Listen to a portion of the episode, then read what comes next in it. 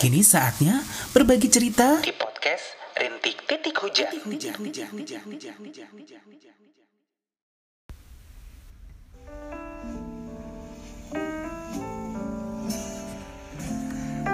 Assalamualaikum warahmatullahi wabarakatuh. Ketemu lagi dengan Danan di jalan-jalan cuap-cuap. Sebetulnya podcast ini itu buat cerita jalan-jalan.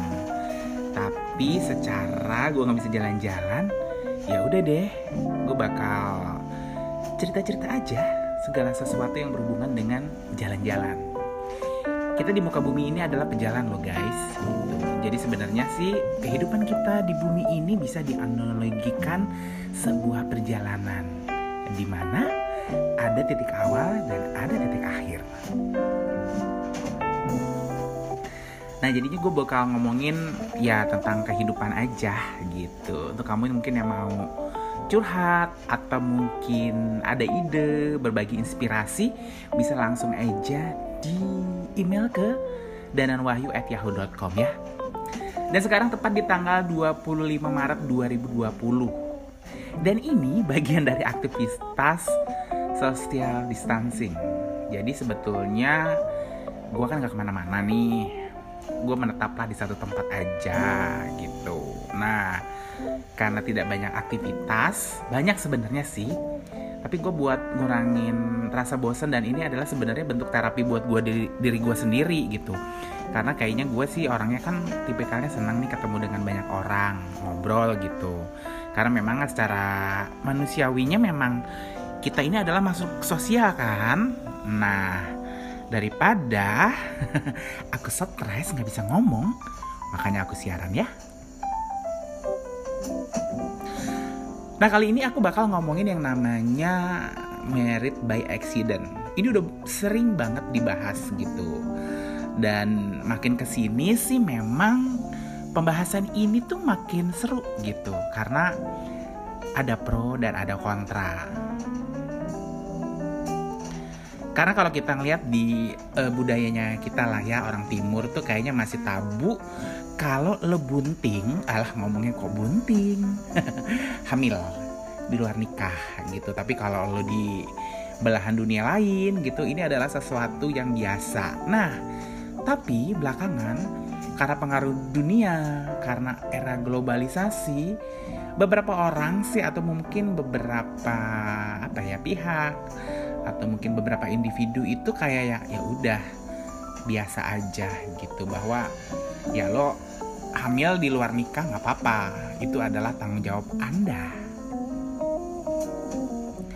Tapi gue mau cerita dikit sih tentang uh, curhatan seseorang lah sebenarnya tapi gue nggak akan sebutin ya namanya ya. Jadi ini adalah dulu temen gue gitu dan dia itu nah ini jadi MBA kan sebenarnya adalah keputusan individu atau mungkin pasangan lah ya gitu. Dan apa pun yang terjadi dari MBA ini yang dirugikan selalu pihak perempuan. Jadi anda para wanita ketika mungkin bukan berniat sih sebenarnya kebanyakan MBA kan nggak sengaja ya namanya juga tumburan dengan laki-laki terus melendung gitu tapi dipikirkanlah masak-masak ketika ingin melakukan aktivitas seksual yang nantinya uh, akan menimbulkan kehamilan, mungkin dipikirkan dulu. Intinya sih adalah melakukan seks yang bertanggung jawab. Ini kalau ngomongnya dari sisi moral, dari sisi agama, ini bakal luas banget gitu karena sering lah ya diidentikan, oh berarti nih uh, imannya kurang kuat gitu. Atau oh mungkin tidak apa ya nggak punya moral gitu. Atau mungkin nggak ada jarin sama orang tuanya gitu. Tapi sih gue bilangnya lebih kayak gini. Kalau gue sih ngelihatnya dari satu sisi sebenarnya adalah kebanyakan anak-anak muda kita itu yang mengenal pacaran kemudian merasakan pertumbuhan ya dari anak-anak menjadi dewasa terus merasakan perubahan fisik keinginan untuk tahu tentang seks itu informasinya dapatnya yang salah gitu. Atau mungkin bahkan nggak dapat informasi sama sekali dari uh, apa namanya dari sumber yang benar gitu. Nah jadinya ujungnya ujungnya apa? Coba-coba deh. Nah, ketika mencoba karena tidak dapat informasi yang lengkap, maka tidak tahu resiko dan tanggung jawab yang akan dihadapi jika saya melakukan hubungan seksual kemudian saya hamil itu nggak tahu gitu. Dan sebenarnya kan kalau hubungan seksual sebelum nikah, pranikah ini juga uh, free sex lah ya. Itu kan resikonya bukan kehamilan aja, tapi juga penyakit seksual menular kayak gitulah. Dan itu kan kita nggak nggak banyak tahu gitu. Karena jujur sih pendidikan di Indonesia itu kayaknya hal-hal yang kayak gini tuh masih tabu gitu. Orang orang kita itu masih sebagian lah ya orang kita tuh masih berorientasi bahwa oh sex education itu cara buat uh, belajar cara buat ngesek gitu. Padahal sebenarnya kan nggak gitu. Jadi sebenarnya uh, sex education adalah cara kita diajarin untuk mengenal organ reproduksi kita, fungsinya apa, kemudian kenapa harus dijaga, kemudian uh, kemungkinan-kemungkinan apa aja yang yang bisa terjadi nih dengan perbedaan gendernya kita gitu termasuk pelecehan seksual jadi kan banyak dari kita atau mungkin anak-anak kita karena tidak mengenal nih organ reproduksinya nggak sadar gitu kalau ternyata mereka dilecehkan secara seksual. Ya kayak gitulah sebenarnya. Itu sebenarnya yang dipelajari dari sex education. Karena dulu sih gue pas SD itu gue dapet. Dan itu memang kayak menuai pro dan kontra gitu. Jadi sempat protes dong orang tua murid ini kenapa anak-anak kelas 4 ya 4 atau kelima gitu. Diajarin namanya sex education gitu. Bukan seks itu natural? Kita nggak usah diajarin juga udah bisa gitu kan. Ternyata bukan itu yang dipelajarin. Kita mengenal uh, kalau dulu itu kelainan kayak kelainan seks itu yang gay, lesbi dan sebagainya sekarang orientasi seksual ya. Itu juga diperkenalkan kayak gitu bahwa jadi kita lebih aware ketika orang akan melakukan pelecehan seksual atau apa pun. Kan selama ini enggak gitu. Ketika ada anak laki-laki dideketin uh, orang dewasa laki-laki, kita berpikirnya, oh nggak apa-apa, nggak akan terjadi apa-apa. Ternyata terjadilah pelecehan seksual. Nah itu yang seperti itulah yang diberitahukan kepada anak-anak ini. Well guys, omongannya makin panjang aja, tapi aku bakal balikan lagi. Ini adalah curhatan teman gue, jadi cerita lah yang mungkin bisa memberikan bukan inspirasi ya, tapi paling enggak ini memberikan pelajaran yang berharga. Jadi gue tuh dulu punya teman lah.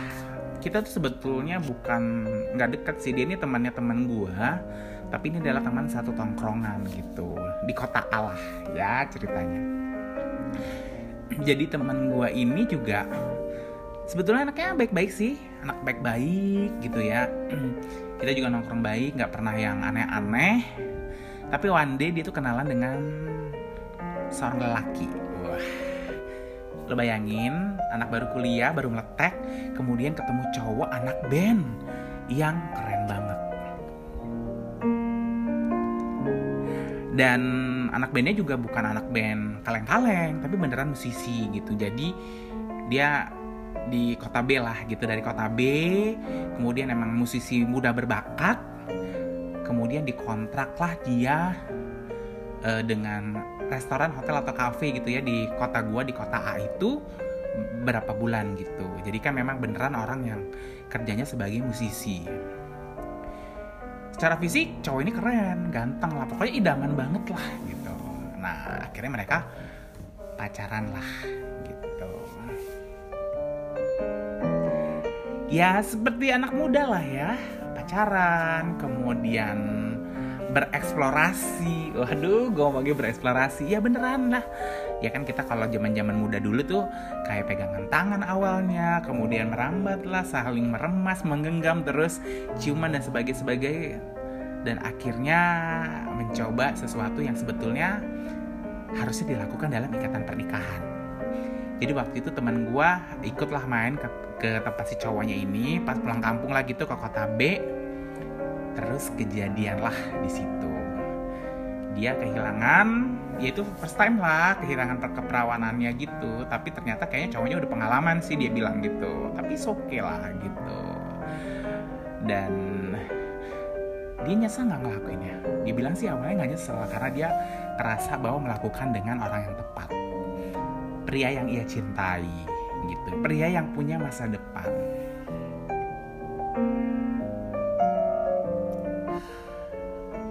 Tapi ini kan temen gue saking lugunya kali ya gitu. Kalau nggak lugu mungkin nggak akan hamil gitu. Apes juga sih pertama kali ngelakuin terus langsung hamil. Dia sempat bingung dong panik lah gitu sempat merahasiakan kehamilannya sama orang tuanya tapi nggak mungkin.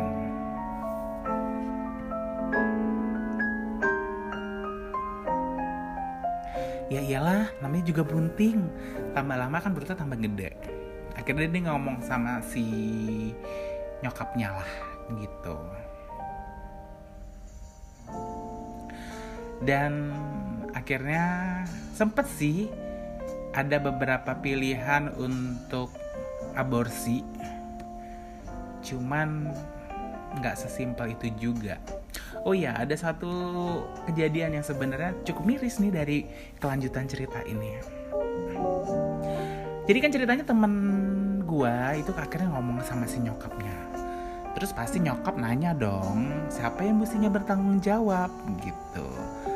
Si ini katanya cowoknya aku si inilah gitu. Nah terus yang namanya orang tua pasti kan ingin mencarikan jalan yang terbaik buat anaknya gitu. Jadi pengen ya udah deh kalau gitu nikah aja gitu. Terus si emaknya dia ini sama temen gua ini ngedatengin lah keluarganya si cowok.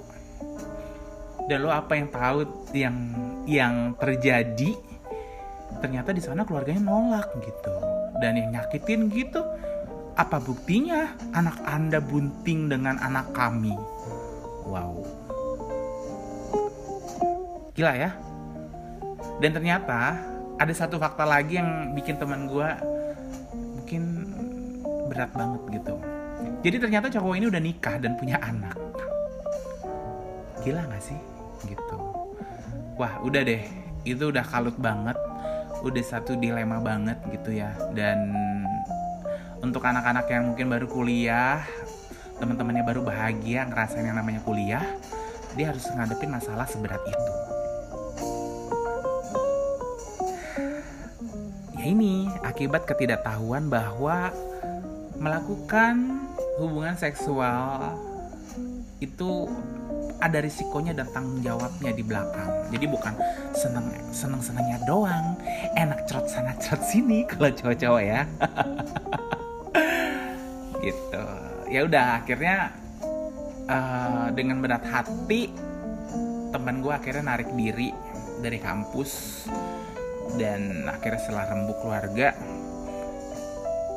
dia akan membesarkan anak ini. Pokoknya akan dilahirin lah gitu.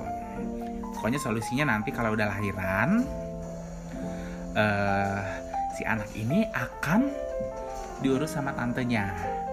Dan kalau udah itu nanti dia akan kuliah seperti biasa gitu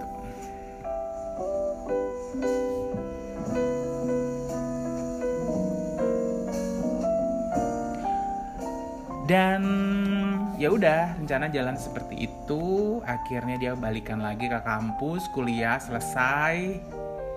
Gitu.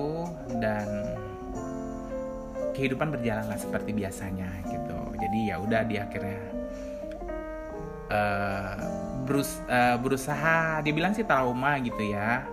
Tapi dia tetaplah untuk cari seseorang gitu. Dan akhirnya dia pacaran lah gitu ya. Membangun hubungan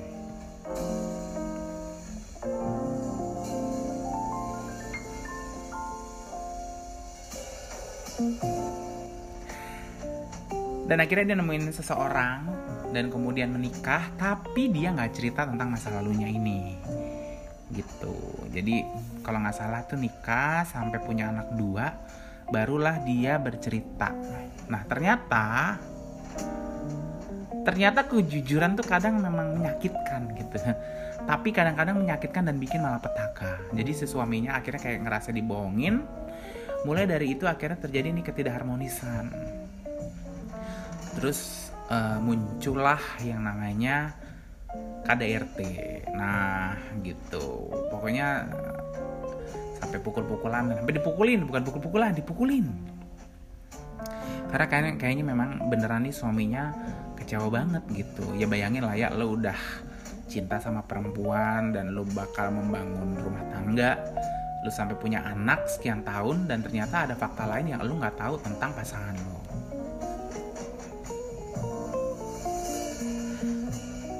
teman gue sih berusaha untuk mempertahankan hubungan ini gitu ya karena dia juga sayang lah dengan si suaminya ini. Tapi ternyata udah sampai di batas yang nggak mungkin lagi kata teman gue ini udah nyakitin gitu.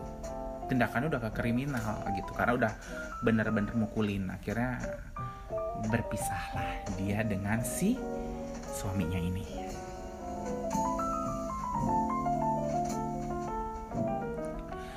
Akhirnya uh, ketika udah punya anak dua kemudian akhirnya anaknya yang pertama kan anak yang pertama itu kan yang MBA tadi itu diurusin tantenya. Akhirnya mereka juga terbuka bahwa ini adalah anak saya.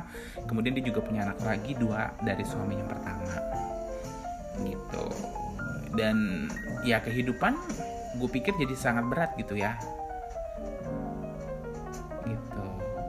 Nah tapi temen gue tetaplah move on membangunlah kebahagiaan dengan nikah lagi sih akhirnya gitu.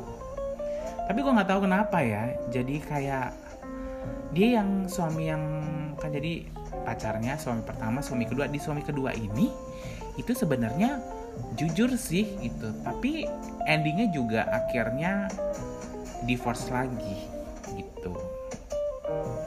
Dan ketika divorce tuh yang dibahas yang diungkit adalah masalah dia MBA gitu. Yang bilang kayak perempuan murah lah jadinya.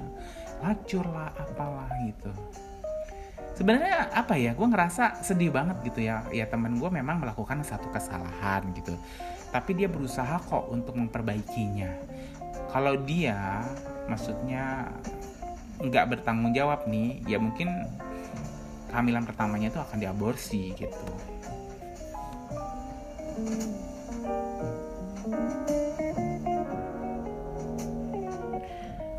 Ya gitu deh dan sekarang sih teman gue akhirnya memutuskan untuk menjadi single parent dan menata kehidupannya lah.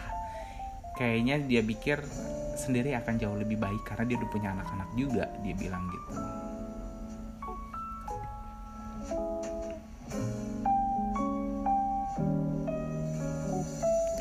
Well guys, ini kan salah satu kisah aja nih yang mungkin paling nggak tuh kayak memberikan memberikan wahana lah sama kamu gitu ya, memberikan masukan bahwa apa apa pun yang kita lakukan itu harus ada tanggung jawab gitu. Jadi nih kalau kamu mau melakukan hubungan seksual dengan pacar kamu atau pasangan kamu sebelum menikah ya paling nggak tahu lah gitu resiko apa nih yang akan ada di depan sana gitu ini bukan hanya tentang si perempuannya tapi juga status anak ya. Gue nggak tahu sih kalau anak yang lahir tuh nggak ada surat nikahnya orang tua kayaknya walinya cuma nyokapnya aja ibunya aja. Gitu. Kalau di secara hukum ya hukum negara. Ya di budaya kita memang masih sulit sih untuk menerima hal-hal seperti itu. Gitu. Tapi kita oke okay lah ya kita sampingan dulu masalah moral dan sebagainya tapi kita berpikir bahwa e, resiko apa yang akan kita hadapi ketika kita punya anak di luar nikah dari hasil mungkin e, seks sebelum menikah. Gue juga punya teman sih yang akhirnya ngambil jalan pintas jadi jadi ngomongin orang tapi oke okay gue gak akan sebut namanya. Jadi gini teman gue tuh punya relationship lah dengan kita tuh ini teman kuliah gue dan ceweknya tuh kampus lain lah gitu. Dia punya relationship dengan cewek itu ya pokoknya aktif lah melakukan hubungan seksual lah ya suami istri gitu ya seminggu berapa kali gitu. Karena sampai kejadian tuh hamilnya berkali-kali. Tapi mereka untuk memutuskan ngambil jalan pintas nih guys. Gitu. Yaitu dengan aborsi. Gue juga mikir ya kenapa sih mesti aborsi gitu? Kenapa lu nggak menggunakan alat kontrasepsi? Terus sekarang pilihannya banyak. Ah sok tahu nonan gitu. Gitu. Ya mungkin ada yang bilang anan kalau pakai sorry ya pakai kondom tuh nggak enak rasanya gitu. Kalau nggak kalau minum pil KB atau pasang IUD atau pasang susuk itu akan mempengaruhi hormonal gitu. Kalau jadi cewek yang nggak cocok tuh jadi gendut gitu atau jadi jerawatan gitu. Ya udah cowok lu suruh pakai kondom deh. Oh cowok gue pakai kondom. Rasanya nggak enak nan. Alah gitu kan. Banyak lah ya alasan manusia gitu. Tapi itulah yang terjadi gitu. Sampai kejadian tiga kali dan bajingannya cowoknya eh temennya gue ini setelah lulus kuliah tuh nggak tanggung jawab. Ini analoginya nih secara cewek itu diporak-porandakan diancur-ancurin gitu ya. Ancur-ancuran lah ya lo bayangin lah ya. Cewek kalau udah aborsi tiga kali apalah ya yang terjadi gitu. Karena gini uh, gue nggak ngelihatnya sebagai oh begini oh perkakasnya rusak nih. Bukan bukan masalah itu. Jadi gini jadi kan ketika orang hamil itu kan ada proses perubahan hormon nih gitu ya. Nah jadi perusahaan proses perubahan hormon ya kalau minum alat apa namanya pil kontrasepsi dan sebagainya itu kan ada perubahan hormon makanya terjadi kalau yang nggak seimbang jadi gendut lah jadi kurus atau mungkin jadi jerawatan. Nah ini juga yang terjadi dengan orang hamil. Jadi udah hamil nih gitu kan. Dan badan kita dengan ngejasnya pelan-pelan gitu. Tiba-tiba tuh lu dibikin seolah-olah uh, terpangkas proses itu. Karena apa aborsi karena bayi nggak ada ya udah. Akhirnya uh, si hormon-hormon itu mau nggak mau di cut gitu karena sudah tidak ada bayi lagi gitu. Dan perubahan-perubahan seperti itu keseimbangan-keseimbangan seperti itu yang bikin organ reproduksi tidak sehat.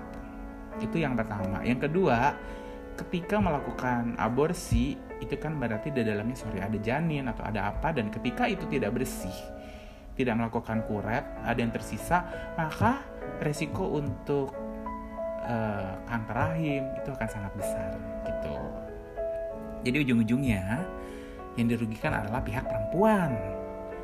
Ya kalau laki sih mungkin resikonya kalau sering-sering berganti kelamin, eh, ganti kelamin, ganti pasangan gitu ya, melaku, aktif melakukan aktivitas seksual sebelum menikah, terus ganti-ganti pasangan adalah ruginya si cowok itu adalah mengalami yang uh, kena penyakit seksual, penyakit seksual lah gitu, atau mungkin parahnya HIV lah gitu. Itu sih, tapi kalau cewek tuh banyak yang harus dikorbankan gitu. Jadi bagi Anda yang belum menikah kemudian ingin melakukan hubungan seksual dengan pasangan Anda ya haruslah dipikirkan baik-baik.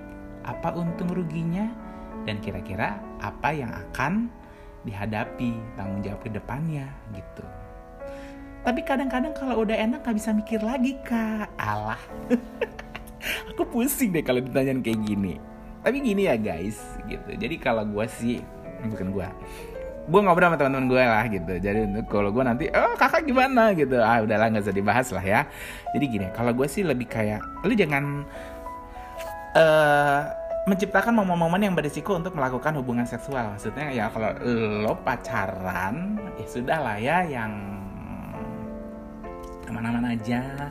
Tempat yang rame nggak usah tempat-tempat romantis nggak usah ke tempat-tempat dingin ya. Nggak usah nginep-nginep bareng gitu walaupun awalnya kita kan nggak ada keinginan. Aduh dek dek yakin lah ya kalau udah namanya dingin momennya pas terus kita tuh kayaknya sayang banget sama pasangan kita udahlah ya itu kolor gampang banget melaratnya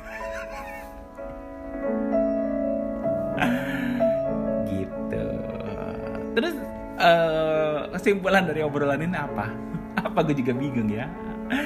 Ya pokoknya gini aja, kalau kamu ingin uh, apa sesuatu yang dibahas sama aku nih di jalan-jalan cuap-cuap, sekarang tanggal 25 Maret ya.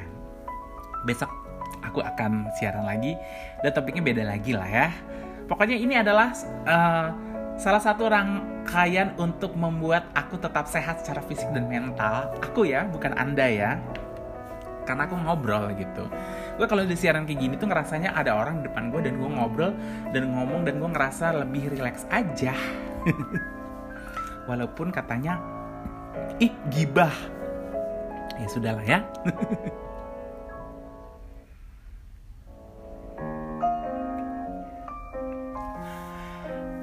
Udah ngomongin merit by accident. Ada juga sih yang MBA itu baik-baik aja.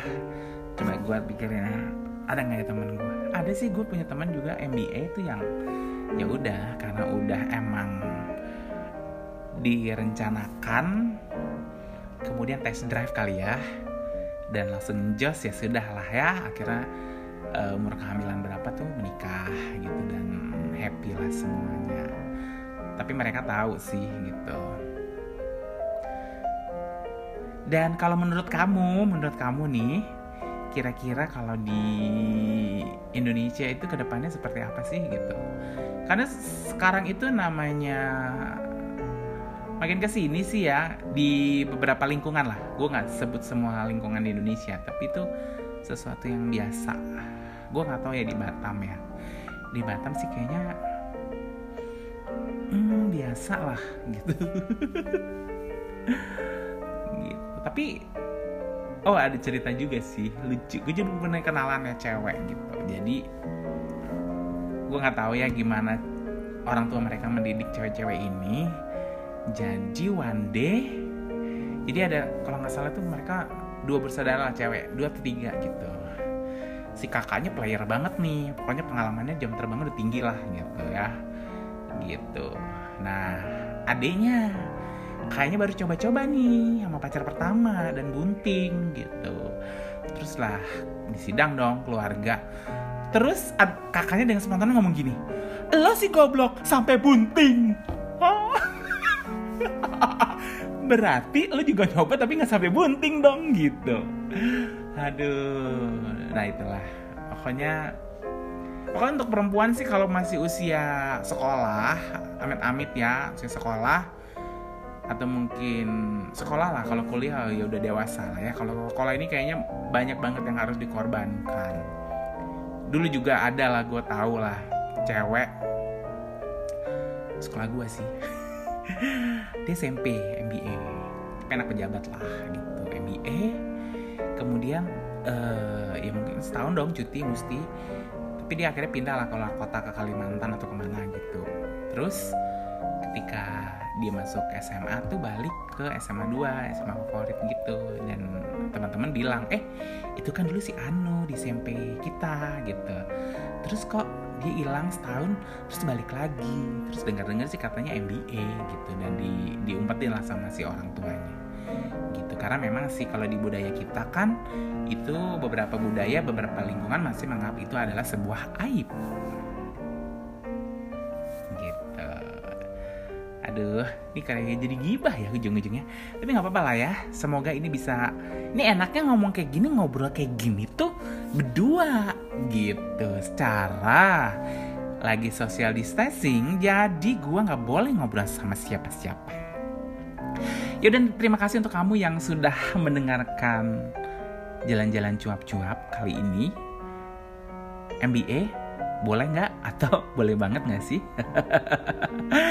Dan di tanggal 25 Maret pokoknya untuk kamu nih yang lagi di rumah aja lagi ke mana nggak ke mana-mana pokoknya jaga kesehatan aja ya. Karena dengan diamnya kamu di rumah itu paling nggak kamu menolong banyak orang gitu. Ya wis aku minta maaf ya kalau ada kata-kata yang kurang berkenan aku juga mau kirim-kirim salam boleh gak sih? Kirim-kirim kalian salamnya buat anak-anak Apple Academy Batam yang kita nggak bisa ketemu guys. Kita nggak bisa kelas bareng. Dan buat pengajar-pengajarnya juga deh gitu. Aduh gue sedih deh kalau ngomongin kita sekarang ini semuanya aktivitas dilakukan melalui online gitu. Karena kita lagi seru-serunya kan? Tapi ya semoga semua cobaan hidup ini pandemi ini cepat berlalu. Ya Aku ngecapin terima kasih ya yang udah ngedengerin dan minta maaf kalau ada kata-kata yang kurang berkenan. Dan akhir kata, Danan mengucapkan wassalamualaikum warahmatullahi wabarakatuh di mana pun kamu berada ya. Dan pokoknya dengerin aja podcast jalan-jalan cuap-cuap ini. Kamu bisa mendengarkannya itu di berbagai platform podcast karena ini udah terkoneksi. Aku sih bikinnya pakai Anchor.fm, cuman di podcastnya Apple juga bisa, di Spotify juga bisa, di apa juga bisa lah pokoknya podcast-podcast itu yang di seluruh dunia bisa dan pastinya gratis bayar pulsa aja sih kayaknya. Eh, bayar kuota aja. oh ya, untuk kamu yang mau curhat, boleh deh kirim ke email dananwahyu@yahoo.com ya. Nanti akan aku rahasiakan kalau pengen dirahasiakan. Yowis. Sampai jumpa ya guys. Pokoknya harus stay healthy. Stay apa lagi ya? Stay happy dan stay tune pastinya di jalan-jalan cuap-cuap.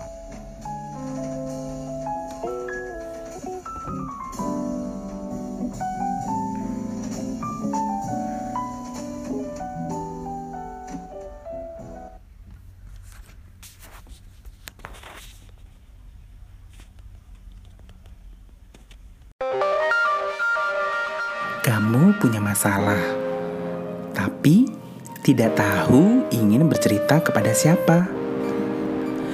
Memang sih, bercerita tidak selalu menyelesaikan masalah, tapi setidaknya dengan bercerita kamu menjadi lega.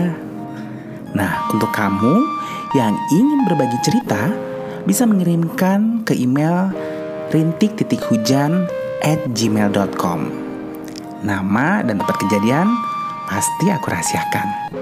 Ditunggu ya. Podcast Rintik Titik Hujan dipersembahkan oleh dananwahyu.com.